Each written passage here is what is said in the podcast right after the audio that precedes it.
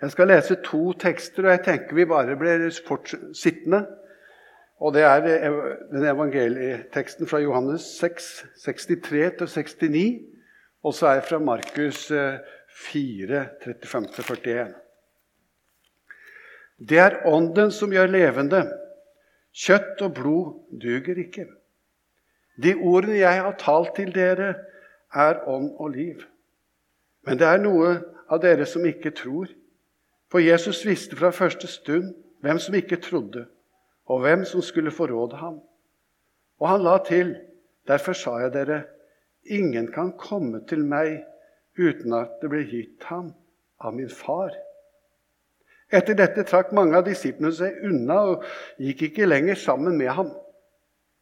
Da spurte Jesus de tolv, vil også dere gå bort?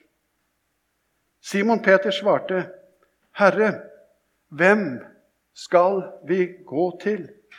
Du har det evige livs ord, og vi tror at du er Guds hellige. Og så er det fra Markus 4. Samme dag, da det ble kveld, la, sa han til dem, la oss sette over til den andre siden av sjøen. De lot folkemengden bli igjen og tok ham med seg i båten der han satt. Også andre båter fulgte med. Da kom det en voldsom virvelvind, virvelstorm, og bølgene slo inn i båten så den holdt på å fylles. Jesus lå og sov på en pute bak i båten. De vekket ham og sa til ham, 'Mester, Bryr du deg ikke om at vi går under? Da reiste han seg, truet vinden og sa til sjøen, Stille, vær rolig. Og vinden la seg, og det ble blikk stille. Så sa han til dem, Hvorfor er dere så redde? Har dere ingen tro? Og de ble grepet av stor frykt og sa til hverandre, Hvem er han? Både vind og sjø adlyder ham. Slik lyder Herrens ord. Ånden gjør levende. Vil også dere gå bort? Hvem skal vi gå til? Du har jo det evige livs ord. Eller som Josefine leste, han som begynte en god gjerning i dere, skal fullføre den inntil Jesu Kristi dag. Da Herren vendte vår lagnad, var vi som drømmende, sto det i salmen. Det er mange fine tekster i dag. Og det er liksom et sammendrag av litt av de tekstene som jeg tenkte jeg skulle dra og si noe om her i dag. Men mest om det som står i Johannes 6, og det som vi leste først. Jesus gjør altså et brødunder tidligere i denne, dette kapittelet, Johannes 6. Og Da samtaler han om eh, det som har skjedd. Dette kjempeunderet som ble gjort. Med en nistepakke til en guttunge med fem eh, byggbrød og to fisker. Og dette blir da mat til 5000 menn. Dette er et guddommelig tegn det minner dem om ei historie de kjente godt til. De har jo lest historien om Moses, om manna fra himmelen osv. Kanskje de tenkte at han, han må være en profet. Eller en som kan skaffe oss nok brød. Mens Jesus underviser disiplene, så sier han at han er noe mer enn dette. Han har større oppgaver enn å gi dem brød som metter kroppen. Selv om han har omsorg for det også. Men i denne sammenheng vil han undervise dem om at han har enda større oppdrag. Han vil gi, gi dem noe som er viktigere enn brød for kroppen. Han er det brød som vår Far i himmelen har gitt oss. Og den som tror på meg, sier han, Den som spiser mitt legeme og mitt blod, han har evig liv. Han vil gi altså brød som gir evig liv. Sett dere inn i denne situasjonen. Det er ikke så rart kanskje at noen drar seg tilbake. Det var et brudd med deres forhåpninger om at nå skulle han bygge et rike som eh, det slett ikke manglet noe mat. De manglet ingenting, for denne kongen kunne jo ordne alt. Han hadde akkurat møttet 5000 sultne menn bare med fem byggbrød og to fisker.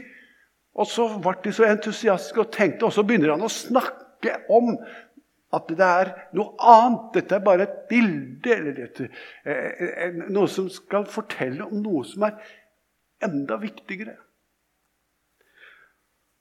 Fortelle dem at det er ikke en konge først og fremst av det jordiske riket han er, men av et annet rike. Guds rike. Og han sier i en annen sammenheng dere har jo ikke sans for det som hører Guds rike til.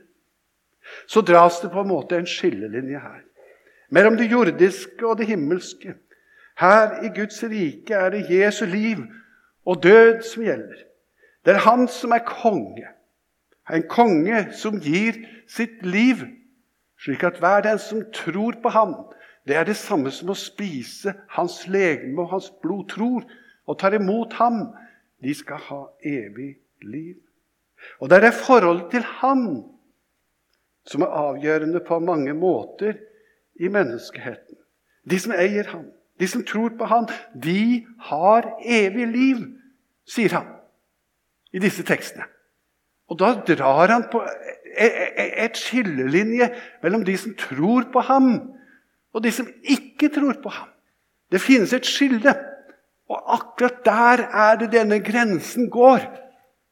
Det er ikke hva en har fått til. Det er ikke hva en kan på alle vis og måter, og hvor en kommer fra. Men om du har fått Jesus i ditt hjerte, det er der skillelinjen går. Og den som spiser altså Når de hører ord om Jesu død og oppstandelse og tror på dette, da tar de imot ham. Da tar de imot hans eh, legeme og hans blod på mange måter. Eller når det går til nattværet. Da gjør det dette på en synlig måte.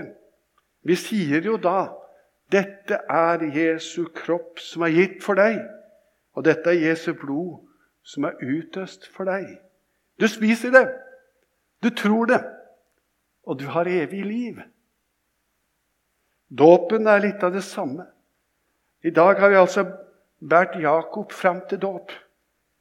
Og, og, og han har fått begynne å ta til seg av livets brød. Vi forstår ikke.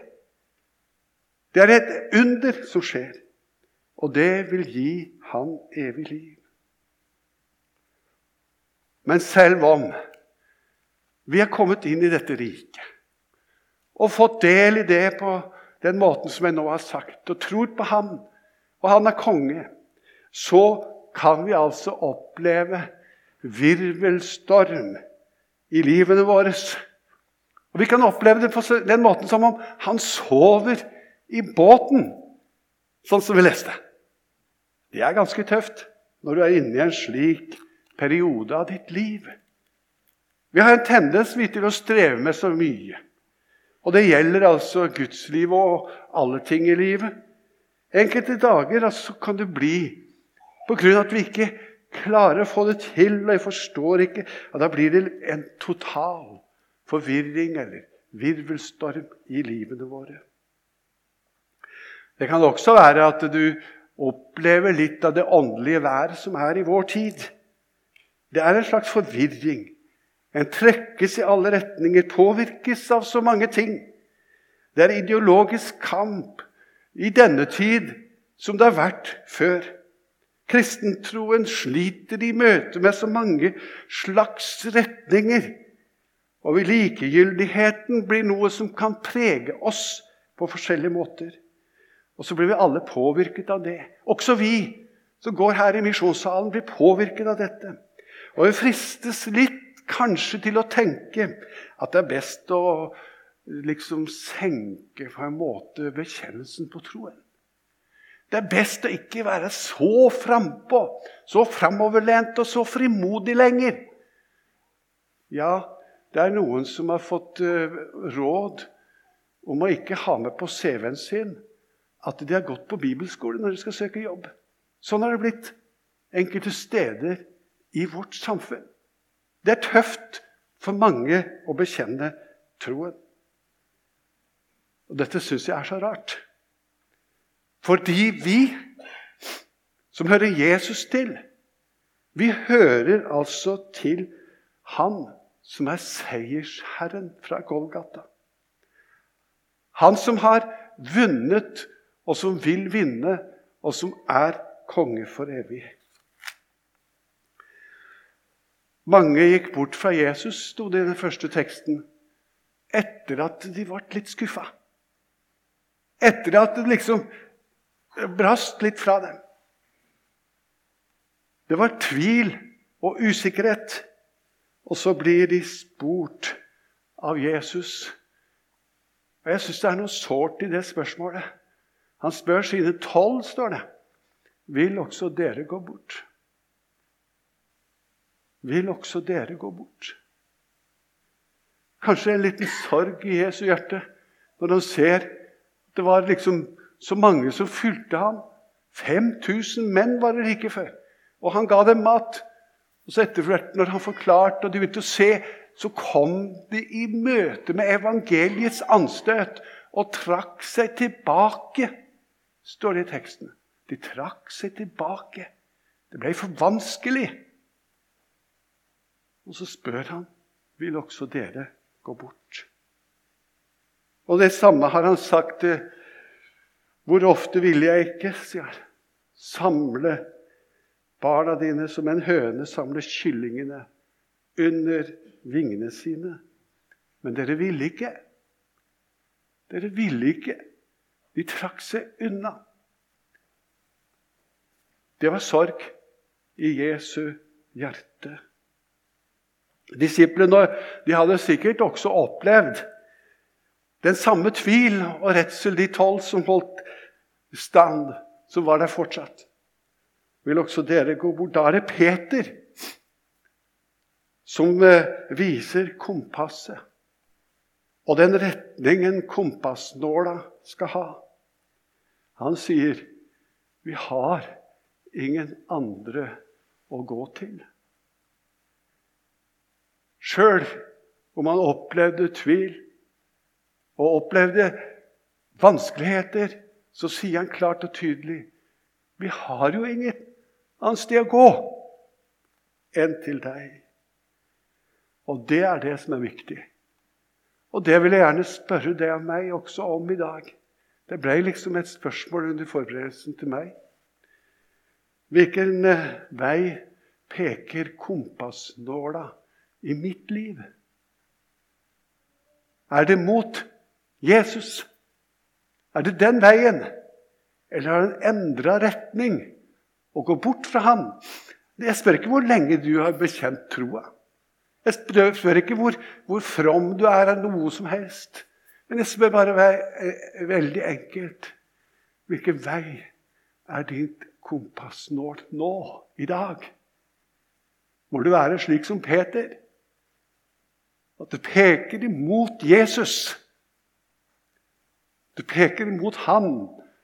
For de har ingen andre å gå til. Og du har jo det evige livs ord. Det er det som jeg vil prøve å bekjenne, iallfall for min del. Peter hadde altså skjønt det. Og det var ikke noe som hadde kommet på av seg selv, men det var Guds ånd som hadde påvirket ham til å få denne bekjennelse. De ord 'Jeg talte til dere', sier Jesus, er ånd og liv. Og den som tar imot ham, har rett til evig liv. Ånden gjør levende. Ånden skaper troen. Du, Peter, det er Guds ånd, et Guds under, som har gjort det at du har denne bekjennelse og at kompassen når den peker den veien i ditt liv.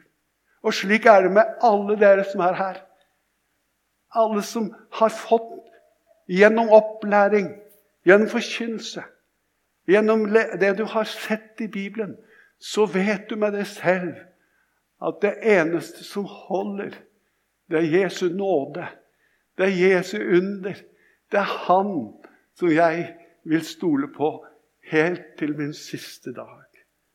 Uansett hvordan livet har utviklet seg, så er det det som teller.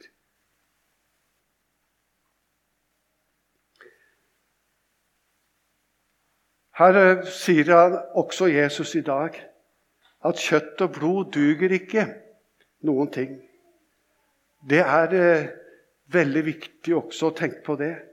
Det er noe annet det enn, eh, og det er stor avstand til dette enn det utsagnet, det utsagnet og det som ser ut til å være noe av tidstenkninga. Der hvor en tror at en eh, all religiøs aktivitet nærmest fører oss nærmere Gud. Det er nesten det samme hva slags aktivitet det er. Men det er helt riv ruskende galt. For det er bare én ting som gjelder. Det er Jesus og det han har gjort. Han sier ingen kan komme til meg uten at Far har sendt meg, drar ham. Og jeg skal reise ham opp på den siste dag. Og I første kor så står det slik ingen kan si 'Jesus er Herre' uten Den hellige ånd. Det er altså slik at det er Ånden som gjør levende. Og det gjelder også i dag. Det var derfor jeg ville så gjerne synge, eller ikke synge, men si og be den sangen. Ånd fra himmelen, kom med nåde. Kom med liv og lys her ned. Så gjør oss, ute, gjør oss vis til salighet. Og Vi ber om det at Den hellige ånd må falle ned og komme inn i våre hjerter på en slik måte at vi ser at det er bare Jesus, det er Han det gjelder. Og så kanskje det kan påvirke deg her og nå også. Du vet nå at det er bare det som teller for deg. Det som Jesus gjorde denne dagen når han mettet 5000, det var et under. Men det var noe mer. Det var et tegn. Et tegn som Johannes har tatt med for å vise oss hvem Jesus er. Og Jesus sa selv 'Jeg er livets brød'. Og nå, i dag, her i misjonssalen, så er det slik at dette brød er og gis til deg. Som det står i Jesaja Kom, står det. Alle tørste. Kom til vannet. Dere uten penger, kom.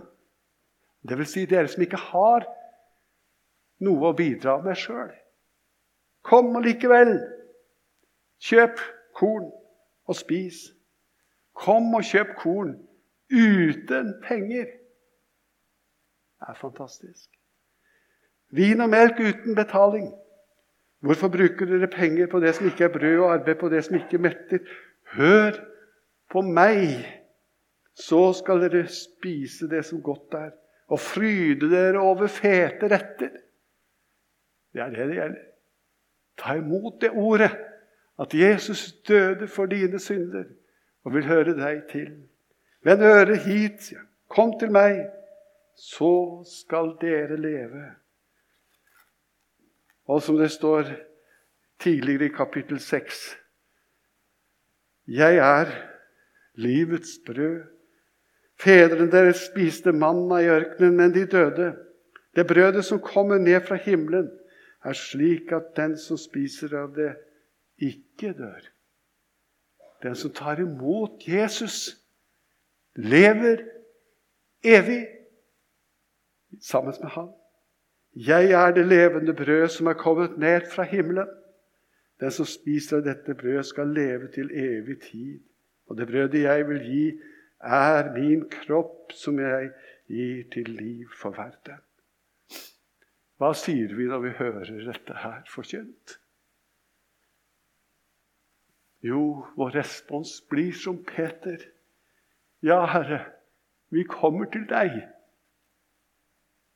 Du har jo det evige livs ord. Det er responsen vår. Som Peter. Jeg kommer til deg slik som jeg er. Jeg vet at det er sant, det du har sagt, at vi ikke klarer å få det til selv. Men vi får legge våre liv over i dine hender. Slik er det å få lov til å være en kristen. Og så skal du få lov til å gjøre det på nytt igjen her i dag. Jeg føler at jeg forblir kommende til Jesus. Og har fått lov til å ha det slik nesten hele mitt liv. For jeg har ingen andre å gå til.